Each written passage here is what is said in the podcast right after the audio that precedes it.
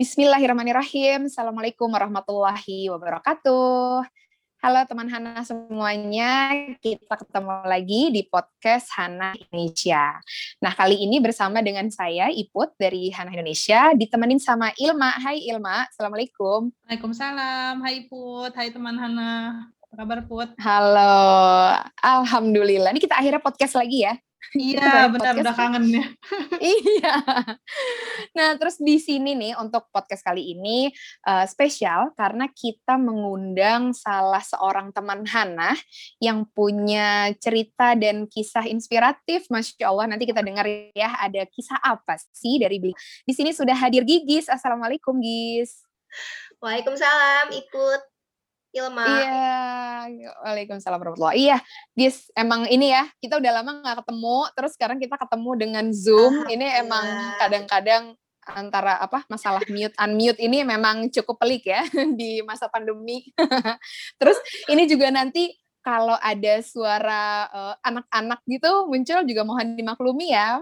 Soalnya yeah. kita tapingnya kan dari rumah nih gitu. Jadi ya maklum lah ibu-ibu. Nah, jadi Uh, Gis, mungkin Gigis bisa memulai dengan memperkenalkan diri dulu ke kita semua Oke, tentang Gigis. Bismillahirrahmanirrahim. Halo semua teman Hana. Uh, aku namanya Gigis, uh, tinggal di Jakarta. Saat ini aktivitasnya mengurus dua anak laki-laki, 6 dan 7 tahun. Dan aku uh, salah satu teman Hana juga yang mengikuti kegiatan Hana dari awal dan alhamdulillah sudah banyak dapat ilmu juga nih dari Hana nih. Mudah-mudahan mudah-mudahan jadi jariahnya tim Hana juga. Amin. Masya Allah, amin, amin.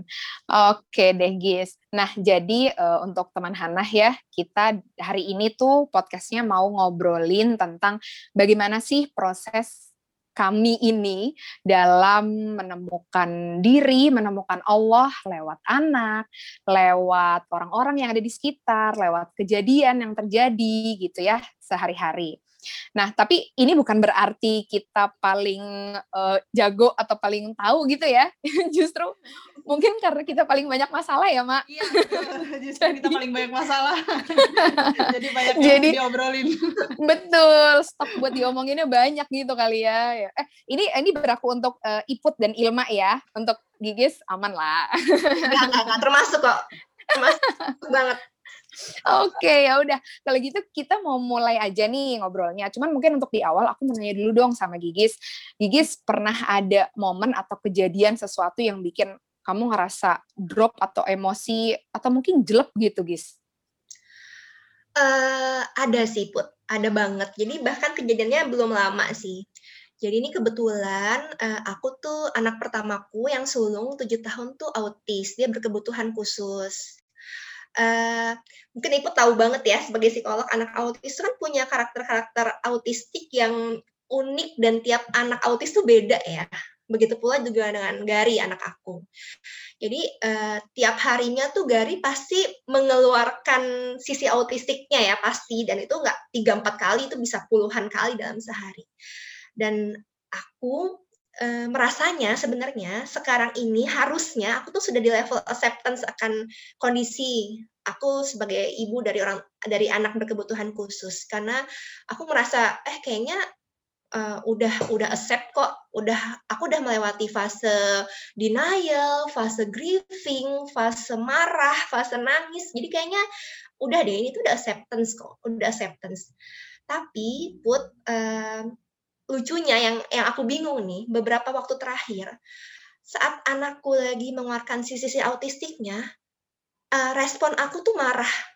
Marahnya tuh yang nggak santai ketus marah Padahal aku tahu dia nih melakukan hal ini karena dia autis, bukan karena dia lagi bad mood atau dia lagi tahan enggak, dia lagi memang dia karena dia autis, dia punya karakter autis, jadi dia mengeluarkan sisi-sisi autisnya. Dan anehnya aku marah padahal aku sudah menggembor-gemborkan gitu ke diri aku ke semua orang aku udah accept kok gitu kan tuh aneh ya aneh lah sampai akhirnya yang bikin aku jelek juga uh, anakku yang kedua adiknya usia enam tahun itu jadi mencontoh aku. Dia tuh merespon kakaknya dengan marah. Dia hampir tiap hari marah sama kakaknya. Dan itu uh, aku bingung gitu. Maksudnya dan tuh aku kecewa banget. Kenapa sih? Padahal kan pasti punya ekspekta ekspektasi ya. Uh, nanti adiknya akan akan uh, take care sama kakaknya gitu. Pasti punya ekspektasi ke sana. Tapi kok ini kok adiknya usia enam tahun kok jadi marah? Oh aku jadi mikir oh dia nyontoh aku karena aku pun responnya terhadap perilaku autistiknya Gary ini marah Kenapa ya? Dan di saat yang sama, uh, Put, Mak, jadi tuh Gari itu tiap tahun tuh harus ada kayak konsul tahunan ke psikolog gitu lah tiap tahun. Dan ini baru banget akhir 2020 tuh aku baru konsul lagi dan ada tes segala macem. Nah hasil tesnya ini tuh uh, menurut aku luar biasa efeknya buat aku. Jadi ada di, di uh, berapa belasan lembar hasilnya, ada kata-kata gini dari psikolognya, ada catatan seperti ini. Gary punya hubungan yang sangat dekat pada ibunya tapi dia tahu ibunya tidak bisa menerima, dia apanya. Kalimat itu kalimat yang bikin aku bener-bener pas baca kayak nge-freeze, kayak jelek, kayak aduh kok hancur banget ya, kayak bahkan lebih hancur rasanya saat lima tahun lalu gitu saat aku tahu dia autis gitu. Itu hancur banget karena ada kata-kata uh, dia tahu ibunya nggak nerima dia apa adanya. Gari ini kan non verbal ya maksudnya dia kemampuan verbalnya terbatas ya. Dia tuh nggak pernah bisa cerita ke aku kalau dia lagi senang, sedih, happy, kecewa, dia nggak pernah bisa cerita itu. Dan itu aku tahu dari selembar dari kertas dari psikolog tuh rasanya ya langsung lah, langsung alami ngeblaming diri sendiri, langsung sedih, langsung merasa helpless, langsung yang tadinya udah jarang nangis gara-gara ini langsung bukan nangis lagi gitu kayak udah pokoknya parah banget saat itu efeknya buat aku gitu. Uh, terus uh, aku mikir gitu, kenapa sih gitu? Kan aku nih udah accept udah di level acceptance gitu loh. Jadi kan kalau uh, katanya tuh di uh, level orang tua anak berulang terus ada berapa stage-nya gitu loh, put ya Mak ya. Koreksi kalau aku salah. Jadi awalnya ini ini ini dan paling terakhir tuh kata juga acceptance gitu. Dan aku merasanya aku udah di sini nih. Tapi kok begini nih hasilnya nih, kok dapet kondisi yang di luar ekspektasi banget. Terus sana aku mulai mikir lagi mikir, oke okay, oke, okay, tunggu dulu nih. Jangan-jangan selama ini aku tuh acceptance acceptance-nya bukan karena semata-mata menggantungkan uh, semuanya karena Allah tapi lebih ke gini aku udah melalui ini lima tahun dari sejak dari di diagnosa sampai sekarang aku sudah uh, udah belajar banget gitu loh, put mak tentang autis itu apa. Aku kayak segalanya udah baca buku, udah baca jurnal, udah ikut seminar, workshop, kayak ngerasa ah kayaknya aku udah ngerti banget. Terus aku udah nggak clueless kayak dulu-dulu kok. Aku sekarang udah punya tim terapi yang menurutku keren banget. Aku udah punya psikolog yang bisa nge-backup aku untuk bisa aku cari tahu. Aku punya dokter anak yang udah aku trust banget. Kayaknya semuanya aku udah punya support system yang bagus nih. Jadi kayaknya aku tuh udah nggak punya alasan deh untuk nggak accept sama kondisi ini. Jadi aku ngerasanya, aku langsung bilang aku, aku tuh udah accept gitu. Tapi ternyata ya itu acceptance aku tuh bukan ke Allah tapi memang karena kesombongan aku dan emang acceptance saya akhirnya ke manusia gitu. Bukan karena bukan ke Allah gitu. Ya itu sih paling sharingnya aku maksudnya eh, pas tadi ibu nanya apa sih yang baru-baru ini yang paling kepikiran? Itu sih kejadian itu mak. Masya Allah guys. Masya Allah ya mak. Langsung kayak langsung ngaca gitu. bukan apa-apa aduh asli asli apalagi Apalagi pas tadi Gigis bilang kalau aku selama ini ngerasa udah tahu gitu. Jadi aku merasa kalau aku tuh udah accept dan akan santai menjalani semuanya gitu. Ternyata kata Allah mungkin tidak semudah itu ya.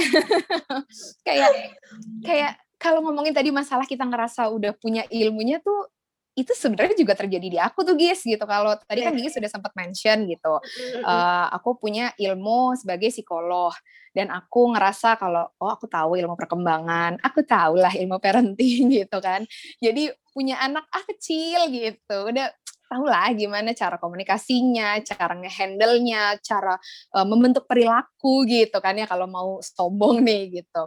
Eh sampai ternyata ketemulah tantangan-tantangan di setiap tahapan usia anak ya kan kita nggak bisa pungkiri ya uh, sebagai orang tua setiap tahapan usia tuh pasti ada aja gitu challenge-nya yang uh, mohon maaf ini gimana caranya gitu dan ternyata walaupun aku udah tahu teorinya nggak bisa juga langsung lulus gitu menjalani si tantangan itu gitu. Apalagi sekarang anakku yang pertama umurnya tuh udah 10 tahun, guys. Alhamdulillah ya. Terus nanti uh, tahun ini akhir tahun ini dia 11 tahun, masya Allah. Dan ternyata tantangan untuk menghadapi anak preteens tuh luar biasa. Wow. karena wow udah pokoknya. Jadi yang dulu ketika dia masih kecil aku ngerasa oh ini anak gampang dikasih pemahaman. Oh komunikasi sama dia oke. Okay. oh uh, aturan-aturan di rumah udah terbentuk gitu. Ternyata memasuki tahapan usia yang baru ini cara komunikasinya tuh nggak bisa pakai cara yang lama gitu. Terus aturan yang kenapa dia seperti mau bereksperimen untuk tidak menaati aturan itu gitu ya kayak gimana kok kayaknya setelah 10 tahun gitu semuanya berjalan uh, oke, okay, rules kayaknya aman. Kok ternyata enggak gitu. Sampai ada ya Gis ya dan Mak gitu. Momen di mana aku ngomong terus rasanya udah mental-mental dan aku inget banget waktu aku lagi selesai mandi ngejemur anduk uh, aku ngomong gak didengerin terus aku cuma bisa bilang ya Allah tolong aku ya Allah oh gitu. Ini udah gimana? Karena sambil jemur anduk udah, ya catat ya. sambil, iya sambil jemur anduk. Momennya seperti dramatis. itu gitu ya biar lebih dramatis. Jadi ada slow motionnya gitu. Itu aku bener-bener di momen itu tuh kayak dan tapi ya ketika aku menyebut itu gitu ketika aku bilang ya Allah gitu tolong dong. Itu nggak tahu kenapa memang ada titik leganya gitu yang tadinya kayak yang oh gitu. Otak tuh kayaknya udah panas mikir nih pakai teori apa lagi? Yang berhari-hari aku coba buka-buka buku gitu kan terus flashback lagi ini ada teori apa ya? Harusnya gimana sih ya anak preteens? gitu. Tapi ketika aku sadar kalau ya Allah gitu. Ini mesti gimana ya? Itu tuh ada titik lega gitu. Apa mungkin karena aku tahu ini adalah uh, momen di mana lo tuh harus pasrah pot gitu karena cuma Allah nih yang tahu kunci jawabannya gitu kali ya atau Ilma mungkin ada cerita mirip-mirip atau gimana mak kalau jadi ingat quotes kalau soal dengan atau beratnya beban tadi put ada quotes yang bilang e, kalau misalnya khawatir akan sesuatu e, apa uh, lempar ke langit gitu. Nah, kalau lu sudah lemparkan ke langit, biarkanlah Allah yang uh, work it out gitu. Jadi bukan Masya Allah. Jadi seenggaknya soalnya memang kadang-kadang ada hal-hal yang kita taruh di bahu padahal sebenarnya tempatnya bukan di bahu kita tapi balikin lagi ke Allah nanti Allah yang beresin gitu. Pasti sering deh teman-teman Hana atau teman-teman di sini yang ngalamin hal-hal kita pikir ternyata solusinya harus kita cari padahal ternyata nanti akan solve dengan sendirinya kan itu anyway tadi aku mau relate juga tentang uh, pas Gigi sama Ibu cerita uh, udah ngerasa tahu gitu sebenarnya aku awal mulanya di pendidikan anak lebih ke nggak tahu apa-apa sih kayaknya ya karena waktu dari aku ingat banget pas udah, abang udah lahir di rumah sakit diajarin cara mandiin anak ya kan? Nah itu aku mikir waduh kayaknya anak saya nggak mandi nih ya kan? Karena kayak karena kayak gimana megangnya? Gitu kayak aduh yes. ya ampun ya ampun gimana? gitu. Iya tapi uh, sekalinya megang ternyata oh bisa nih kayaknya fitrah keibuannya tumbuh dan kayaknya oke okay, bisa. Dan setelah itu memang mulai mengasah insting gitu. Uh, nah di situ mulai pede tuh instingnya udah berkembang kayaknya gue ngerti banget anak gue gitu. Sambil uh, panik jadi kalau teman-teman yang uh, ngumpul di rumah bawa-bawa anaknya seumur masih bayi-bayi juga, aku selalu nanya, eh anak dua minggu apa sih rangsangannya? Anak umur tiga minggu apa sih mesti diajarin apa? Takutnya waktu berlalu dan aku nggak sempet ngajarin anak-anak ini gitu kan. Ya ampun kalau diketawain sekarang sih, ya ampun masa dua minggu lo panik sih gitu kan.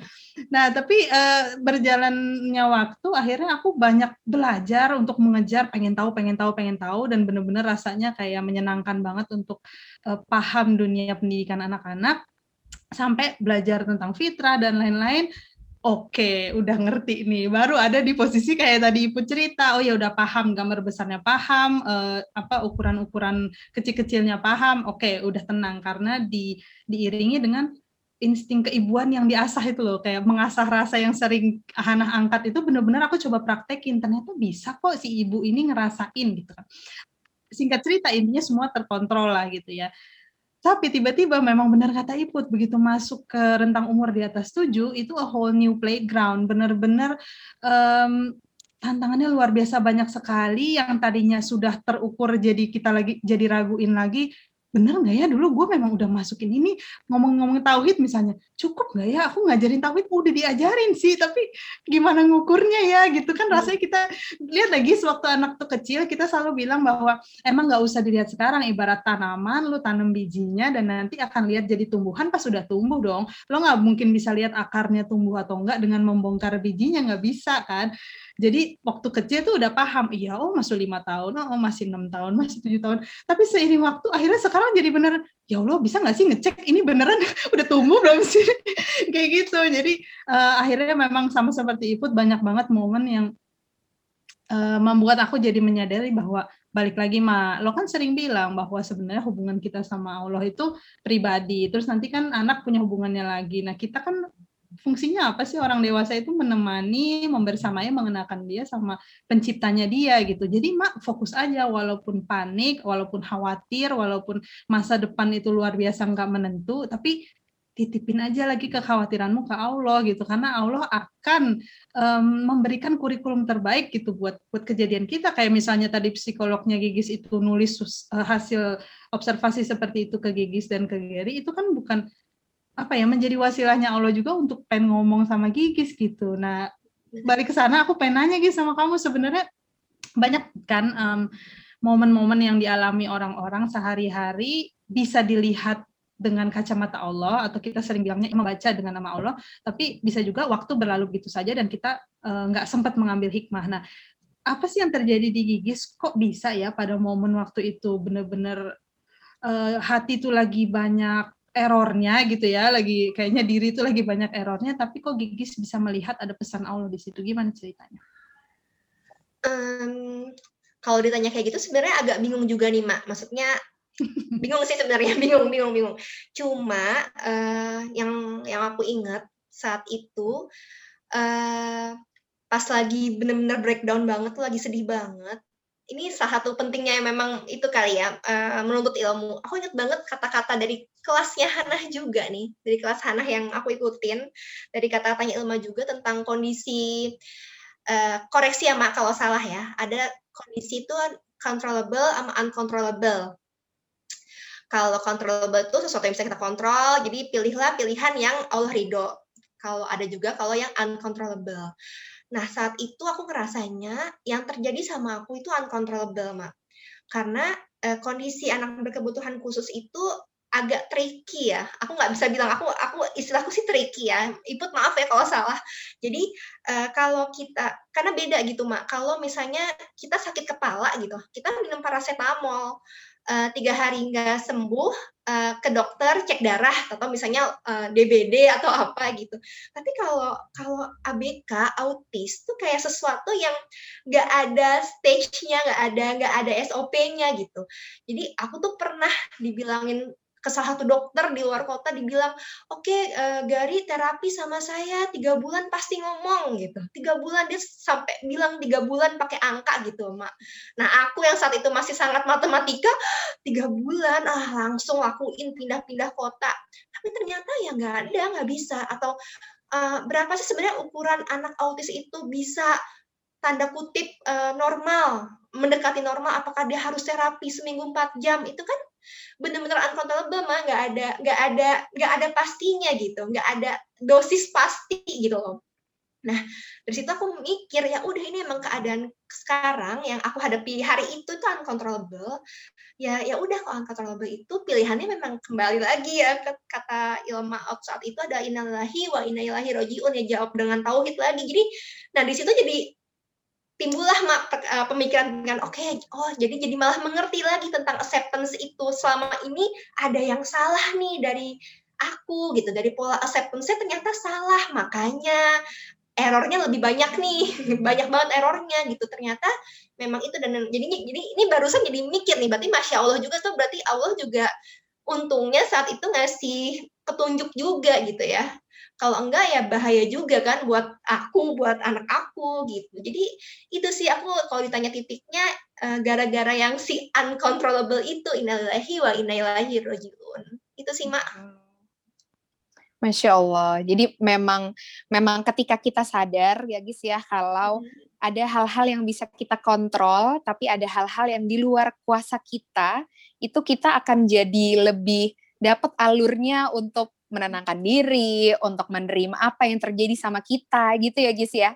Bener Dalam banget. setiap proses eh, apa namanya ya keseharian kita menjalani pengasuhan tuh pasti juga kayak gitu ya kita kita berharap kalau wah anakku aku uh, kenalkan dengan Allah dari kecil kemudian uh, aku biasakan untuk sholat aku ajak sholat gitu sampai ada momen ketika mas ayo mas sholat enggak ah males. Eh gimana? Mohon maaf oh, matematikanya nggak masuk ya oh, kok harusnya nggak gini deh teorinya seingat gue gitu kan. Jadi uh -uh. memang memang hal-hal kayak gitu tuh kalau kita nggak uh, paham dan sadar betul kalau ada kurikulum Allah, ada kuasa Allah gitu ya hmm. untuk mengarahkan juga gitu kan perilaku uh, manusia atau pemikiran manusia gitu.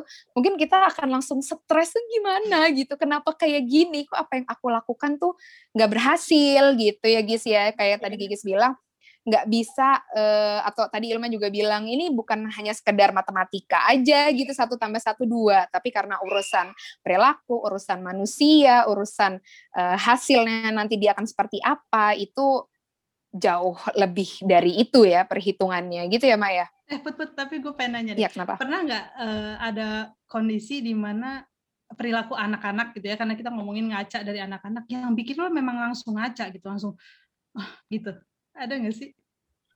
Uh, ya kalau ngomongin sholat ya.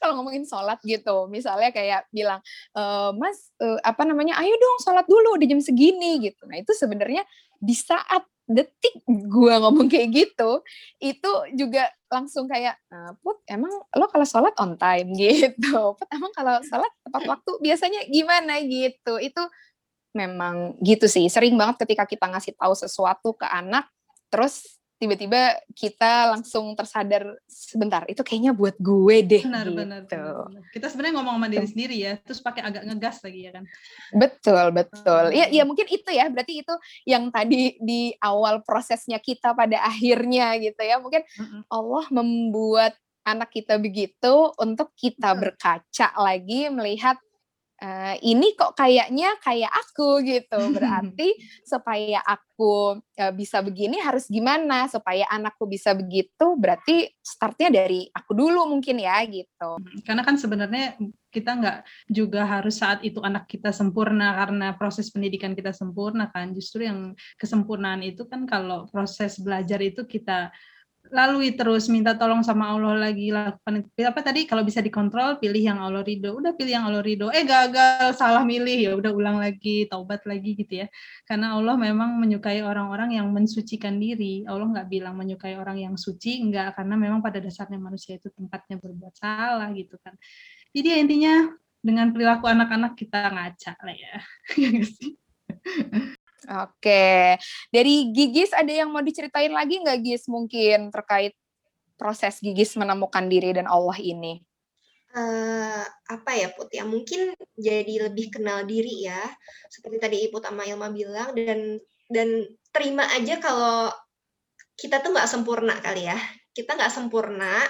Kita ini adalah seonggok hamba gitu yang benar-benar jatuh bangun. Betul. tapi bangunnya kadang parah, tapi memang semoga uh, anak kita tahu kalau kita tuh berusaha dan dan nggak anak kita juga ya, tapi Allah ya Allah yang paling maha tahu gitu bahwa apa pun jatuh bangun tapi kita nih lagi berusaha gitu. Dan semoga Allah juga selalu kasih kita petunjuk nih. Jadi kalau lagi jatuh jatuhnya nggak lama-lama cepat bangunnya. Tapi ya kalau jatuh juga diterima aja. Emang emang mungkin lagi harus jatuh. Itu kali sih yang yang biasanya aku tangkap dari semua proses ini adalah ya kita nggak sempurna ya Put ya Mak ya.